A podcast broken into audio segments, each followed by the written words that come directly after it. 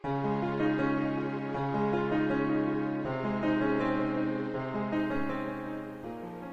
sahabat muslimah semuanya. Assalamualaikum warahmatullahi wabarakatuh. Selamat datang kembali lagi di podcast Let's Talk About Muslimah. Di segmen Muslimah Kudu Sehat ya. Gimana kabarnya sahabat muslimah semuanya? Saya harap sahabat muslimah semua selalu dalam perlindungan Allah Subhanahu wa taala tetap sehat dan tetap semangat menjalani hidup walau sedang menghadapi masalah dan ujian. Insya Allah sahabat muslimah sanggup melewatinya. Semangat kakak! Nah, biar tambah sehat dan tambah semangat, masa pandemi gini yuk tetap coba lakuin olahraga. Kenapa? Karena ada beberapa alasannya loh. Yang pertama, Islam gak melarang muslimah untuk olahraga, malah menganjurkan. Sebagaimana kisah Rasulullah Shallallahu Alaihi Wasallam yang pernah mengajak Aisyah radhiyallahu anha berlomba lari. Ingat nggak ceritanya? Yang kedua, secara umum tidak ada keterangan ilmiah yang membatasi wanita dalam berolahraga. Kita bisa ngelakuin olahraga apa aja. Jadi nggak ada olahraga ini cocoknya buat cowok, olahraga ini cocoknya buat cewek aja gitu. Itu nggak ada sih. Kemudian yang ketiga, berhijab bukan menjadi halangan untuk wanita melakukan kegiatan olahraga loh ya. Jangan sampai berpikir, ah nggak punya bajunya atau nggak punya jilbab yang panjang yang nggak bakalan kebuka-buka pas olahraga ya jangan mikir begitu dulu ya alasan keempat sebagai muslim harus menjaga kebugaran tubuh kewajiban ya. Nah, alasan kelima, olahraga menjadikan kita lebih kuat. Seperti hadis yang biasa saya katakan ya, kalau di muslimah kudu sehat, orang mukmin yang kuat lebih baik dan lebih dicintai oleh Allah daripada orang mukmin yang lemah. Namun keduanya sama-sama memiliki kebaikan. Dari Abu Hurairah ya, sabda Rasulullah SAW.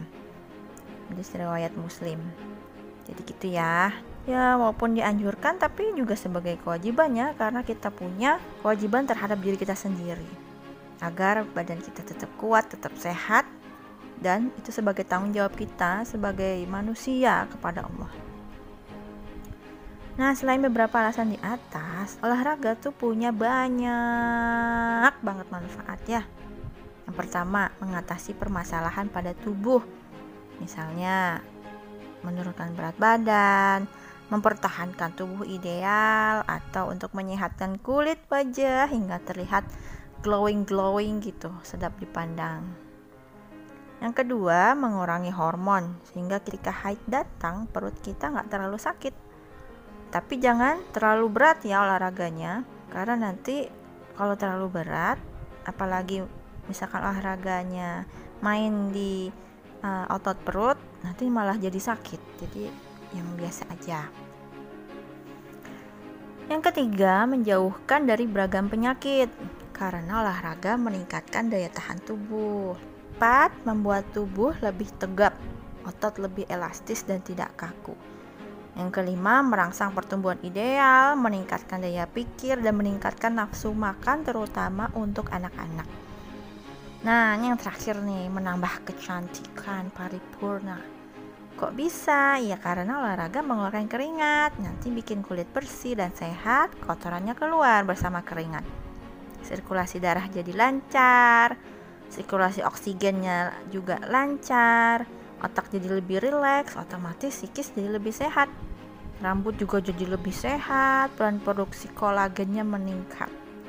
Tapi sahabat muslimah, sebagai muslimah ya, sebagai umat muslim, ada beberapa panduan yang harus diperhatiin nih sebelum berolahraga biar kita nggak cuma dapat badan sehat tapi juga berpahala pastinya yang pertama niatkan ibadah ketika berolahraga niatkan sebagai sarana memperbaiki kualitas ibadah kita kepada Allah Ta'ala karena sahabat muslimah pasti tahu kan setiap aktivitas yang bermanfaat jika diniatkan untuk ibadah kepada Allah, maka insya Allah akan dicatat sebagai amal ibadah.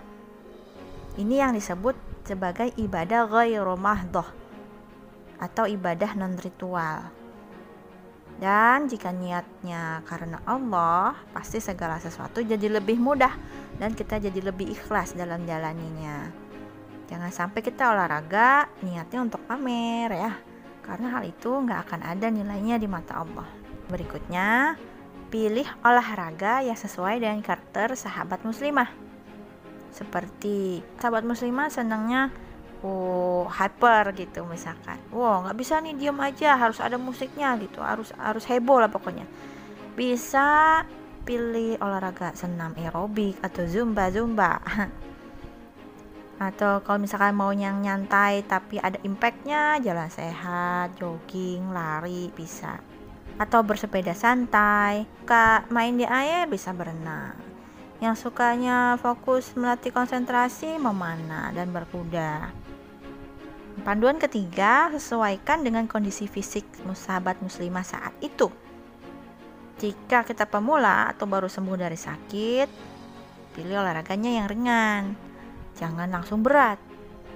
Seperti stretching atau peregangan dulu, kemudian jalan sehat atau bersepeda santai dan lain-lain.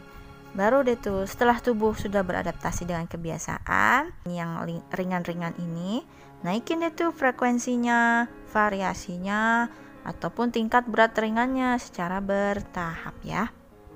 Panduan keempat, sesuaikan dengan minat sahabat muslimah.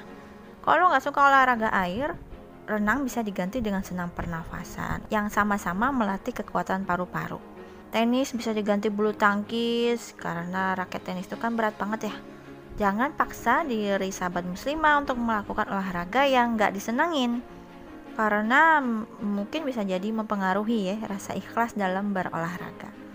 Apalagi misalnya kalau diajak temen nih. Nah, temen ngajak badminton tapi sahabat muslimah nggak nggak suka gitu. Lebih baik sih nggak usah.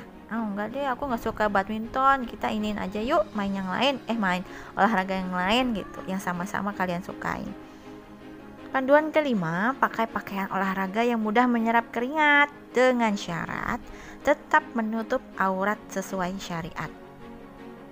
Apa artinya berolahraga jika aurat tidak terjaga?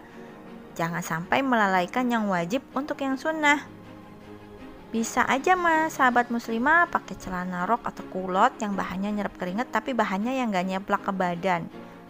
Atau kalau mau pakai celana training, baju olahraganya panjang sampai ke paha dan longgar, gak nyeplak gitu ke badan.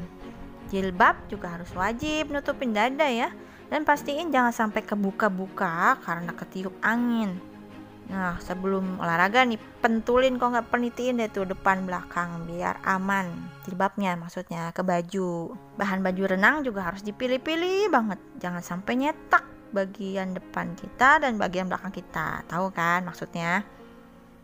Pas naik dari kolam renang tuh kan biasanya tuh uh langsung nyetak ya Nah, cari bahan yang gak terlalu nyetak badan atau ada uh, ada jilbabnya yang nutupin dada dan bajunya yang bagian pinggangnya lebar.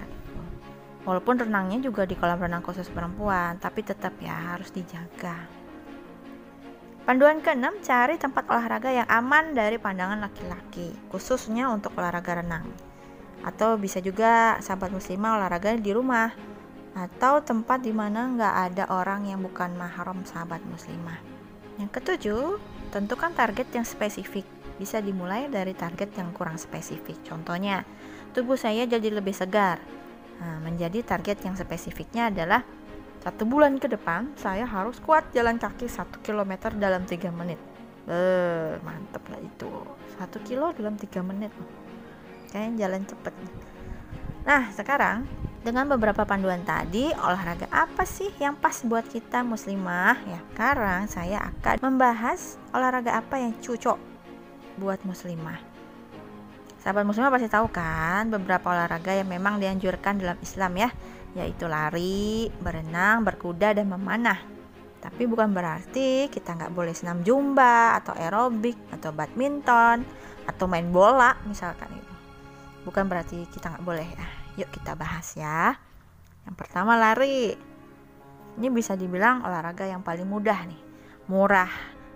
Bahkan tanpa biaya. cuman modal sepatu aja katanya padahal mah kalau orang yang freak olahraga lari ya be sepatu yang nyaman tuh mahal pasti. Baju yang nyaman nyerap keringat tuh agak mahal pasti. Belum lagi misalkan penghitung waktu lari berapa jam terus aplikasi lari berapa kalorinya rute yang dipakai wah bermodal sebenarnya sih. Tapi nggak apa-apa ya. Dalilnya adalah hadis berikut ini Aisyah radhiyallahu anha pernah berkata, Rasulullah SAW mengajakku lomba lari dan aku mengalahkannya. Kemudian aku berdiam diri sampai aku menjadi gemuk, maksudnya dalam berlalu gitu ya, nggak lari-lari. Nah, kemudian Rasulullah mengajakku lomba lari dan beliau mengalahkanku. Beliau bersabda, ini sebagai balasan dari lomba yang lalu. Hadis riwayat Ahmad dan Abu Daud. Nah, untuk lari jangan lupa untuk tetap menutup aurat ya, sahabat muslimah seperti yang tadi saya bilang pakai celana rok boleh atau kulot dan baju yang panjangnya sepaha boleh atau pakai gamis juga boleh. Sekarang kan udah ada tuh gamis yang khusus untuk olahraga ya. Itu bagus tuh aman insya Allah. Pakai kaos kaki dan sepatu juga karena kaki tetap aurat. Kedua berenang. Olahraga ini juga termasuk olahraga yang dianjurkan dalam Islam walaupun nih dalilnya ada yang bilang ini nggak um, sohih gitu karena ada perawinya yang ragu gitu. Tapi insya Allah uh, yang saya sebut ini insya Allah sohih dari Apo bin Abi Rabbah berkata, aku melihat Jabir bin Abdullah al-Ansori dan Jabir bin Umayyah al-Ansori sedang latihan melempar. Salah seorang dari mereka berkata kepada yang lainnya, aku mendengar Rasulullah Shallallahu Alaihi Wasallam bersabda, setiap hal yang tidak ada zikir kepada Allah adalah lahwun atau kesia-siaan dan permainan belaka. Kecuali empat, candaan suami kepada istrinya, seorang lelaki yang melatih kudanya, latihan memanah dan mengajarkan renang. Hadis riwayat An-Nasai. Sebaiknya ya, jangan di kolam renang umum. Walaupun kitanya udah pakai baju renang khusus muslimah, tetap jangan karena ya namanya laki ya campur lagi kan perempuan sama laki. Kan kalau laki kan mainnya visual ya enggak? Sekarang juga udah banyak kolam renang khusus muslimah tinggal sahabat muslimah cari aja di googling ya. Searching searching yang paling deket. Nah kalau misalkan anak-anak mau berenang di tempat umum boleh aja kita ikut buat jagain anak-anak sama barang. Tapi jangan ikut nyelam Olahraga ketiga itu berkuda. Olahraga yang satu ini termasuk salah satu juga yang dianjurkan dalam Islam. Muslimah juga diperbolehkan melakukan olahraga yang satu ini, tapi untuk pakaiannya tetap harus yang menutup aurat. Karena para sahabiah pun ketika berkuda juga tetap menutup aurat loh. Seperti Khaulah binti Azwar al-Kindi atau Nusaibah binti Ka'ab yang mahir banget ngendarain kuda dan ikut berperang bersama Rasulullah. Masya Allah. Coba bayangin kayak apa baju yang dipakai dua sahabiah tersebut. Udah kebayang belum? Nah, saya bilang nih ya, tertutup sampai nggak ketahuan pria atau wanita yang naik kuda dan berwarna gelap. Olahraga yang keempat adalah memanah. Rasulullah Shallallahu Alaihi Wasallam menasehati bahwa memanah adalah salah satu olahraga yang sangat penting dan memiliki kekuatan yang amat besar dalam menghadapi musuh di medan perang. Bahkan beliau lebih menyukai memanah dibanding berkuda, seperti dalam hadis berikut ini. Rasulullah Shallallahu Alaihi Wasallam bersabda, sesungguhnya Allah memasukkan tiga orang ke surga dengan satu busur panah pembuat yang diperkirakan dalam perbuatannya baik, orang yang memanah dan orang yang memberi bantuan dengannya. Maka memanahlah, berkudalah, dan memanah itu lebih saya sukai daripada berkuda. Hadis riwayat Ahmad dan Abu Daud. Bahkan ada olahraga memanah sambil berkuda loh. Atau berkuda sambil memanah ya. Horse riding archery kalau nggak salah ya judulnya. Eh, mantep tuh. Ah, game tuh pelopornya kayaknya di Indonesia. Kayaknya ya. Muslimah dianjurkan banget loh dan diperbolehkan melakukan olahraga panahan ini. karena manfaatnya banyak untuk melatih kesabaran dan fokus karena dituntut untuk membidik target seakurat mungkin. Selain itu dapat meningkatkan kekuatan tubuh bagian atas. Nah, pengalaman saya olahraga memanah ini memang enak banget loh. Waktu anak panah dilepas dari busur terus kena ke target rasanya gimana gitu. Seneng ya. Apalagi kalau misalnya kena target di tengah. Rasanya ada puas lah. Tapi saya berhenti sejak 2017 pas hamil kedua sebelum hamil sempet tuh vakum juga karena saya punya CTS atau carpal tunnel syndrome yang memang kurang cocok untuk narik busur sebenarnya tapi karena itu menyenangkan buat saya ya udah. Sampai akhirnya setelah selesai melahirkan saya nggak kuat lagi narik busur karena udah terlalu sakit. Nah kalau sahabat muslimah ada yang minat satu set busur dengan anak panah busurnya masih bagus banget bisa lah cincai harga. Untuk pakai memanah kalian bisa menggunakan gamis atau celana rok dengan jilbab yang tetap menutup dada dan baju yang sepaha ya olahraga yang kelima adalah senam Senam ini aktivitas fisik yang dilakukan sebagai cabang olahraga yang melibatkan performa gerakan yang membutuhkan kekuatan, kecepatan, dan keserasian gerakan fisik yang teratur. Olahraga yang satu ini baik untuk muslimah karena bisa menjaga kebugaran tubuh dan tubuh bisa bergerak secara merata loh. Gak harus seksi kalau senam di rumah aja yang seksi ya. Untuk olahraga nggak usah seksi-seksi amat. Yang keenam olahraga badminton. Tahu lah ya pasti ya badminton mah apa sahabat muslimah ya Manfaatnya kebugaran tubuh, menurunkan berat badan, serta menguatkan otot dan persendian loh. Untuk pakaian tetap sama seperti olahraga lain, menutup aurat dengan sempurna dan menyerap keringat. Pastiin jilbab nggak ikut keangkat waktu nyemes ya. Dipenitiin dulu jilbabnya ke baju. Nah, yang ketujuh, yoga untuk muslimah.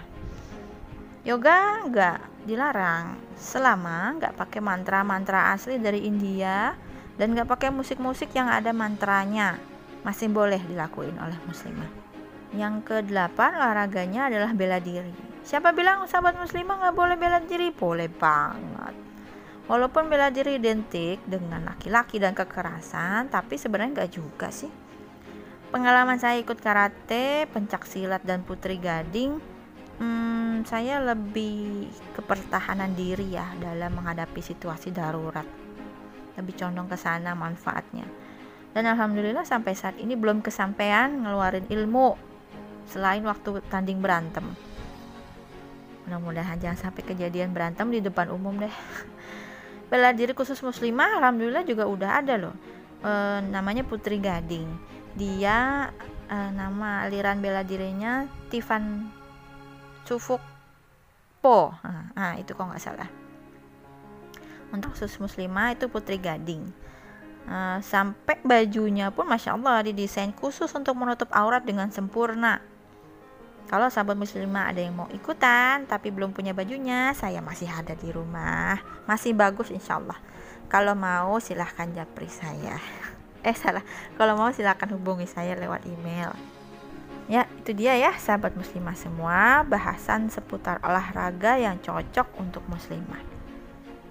Masih banyak lagi ya pilihan olahraga yang sahabat muslimah bisa lakuin dan senengin kayak pilates mungkin. Pilates juga enak banget tuh kayaknya tuh.